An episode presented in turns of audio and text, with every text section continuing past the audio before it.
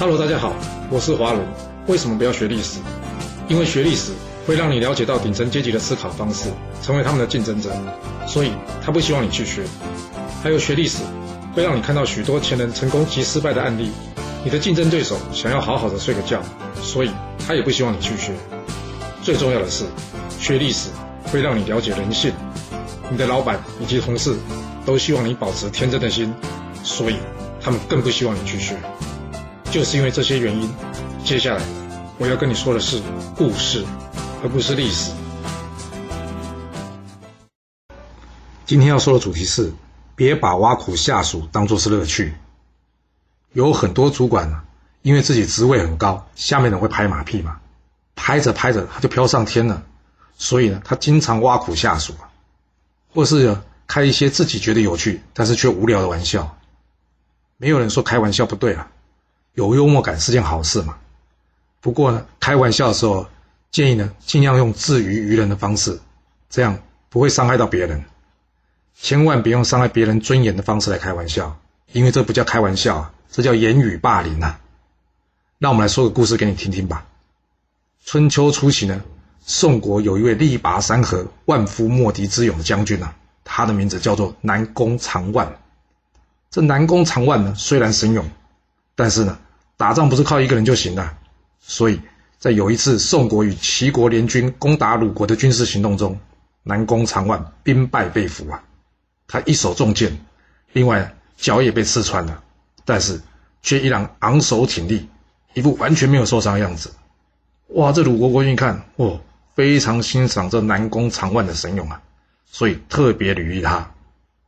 战后，鲁国跟这个宋国呢，重新恢复友好的关系。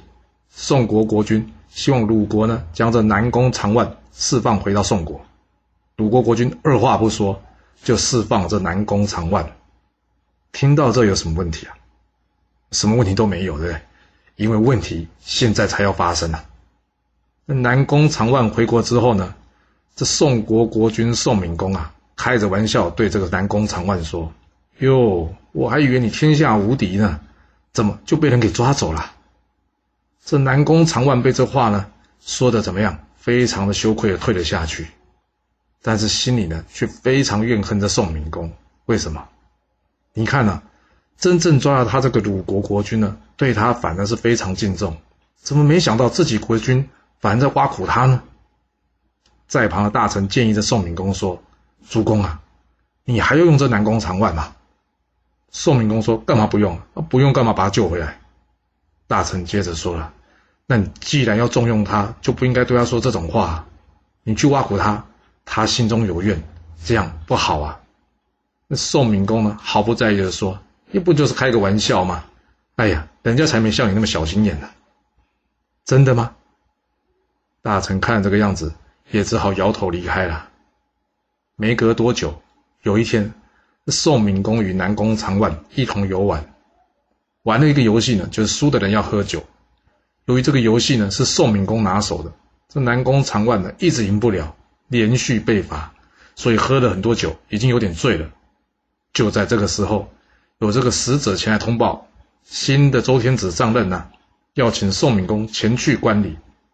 这南宫长万一听到，他主公跟宋敏公说：“主公啊，我从来没有看过周天子的都城呢，能让我去见识一下吗？”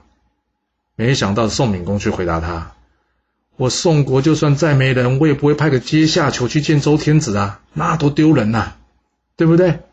这话一说啊，旁边人听完了，都在那边嘲笑南宫长万。这南宫长万呢，恼羞成怒，大骂着宋闵公：“你知道我是阶下囚？那你知道阶下囚可以杀人吗？”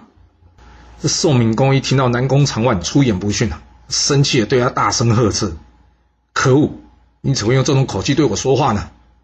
这南宫长万会理他吗？他已经气头上来了，怎么可能理他呢？马上冲上前去，两拳就让宋敏公居居去西天见佛祖了。宋敏公为什么一直挖苦南宫长万？历史上没有交代，我们也不知道原因。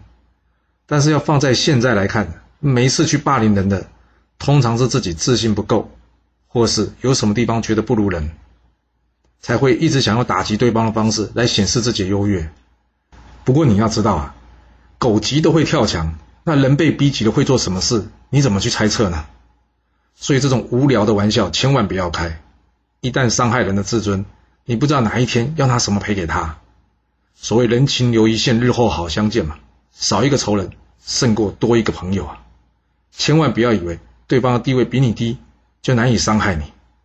你如果是听过真田信繁对付德川家康故事，就知道了。当时代表丰臣家的大将真田信繁，眼看就要战胜杀德川家康了，然而没想到就在这个时候呢，后方丰臣家的城池突然间失火了，而这一失火啊，让联军误会了。他们以为呢，哇，城池被攻破了，结果一瞬间呢，联军士气瓦解啊，导致丰臣家这边兵败如山倒，而最后呢，德川家康反而获得这场战争的胜利，灭了丰臣家。至于为什么兵败的德川家康能在丰臣家成功的放起火烧掉他的城池呢？答案是，这火根本不是德川家康放的，其实放火的是丰臣家的一位厨师。而这位厨师呢，就是因为之前被丰臣秀吉给侮辱过，所以呢，他想说趁着打仗机会呢，放火烧了这个传说中南攻不落的城堡，来帮助德川家康一把。丰臣秀吉能想得到吗？一个厨师哎，结果灭了他的家族，你说是吧？好了，我们今天先说到这。如果你就是不听我的劝，想知道完整版的故事内容。你可以从说明栏找到我爱故事频道的连结，不过记住哦，你是来听故事的，而不是来学历史的。要是您喜欢这个频道，麻烦您动动您的手指，追踪、留言，或是给我五星评价的支持以及分享。谢谢您来收听，我们下次再见。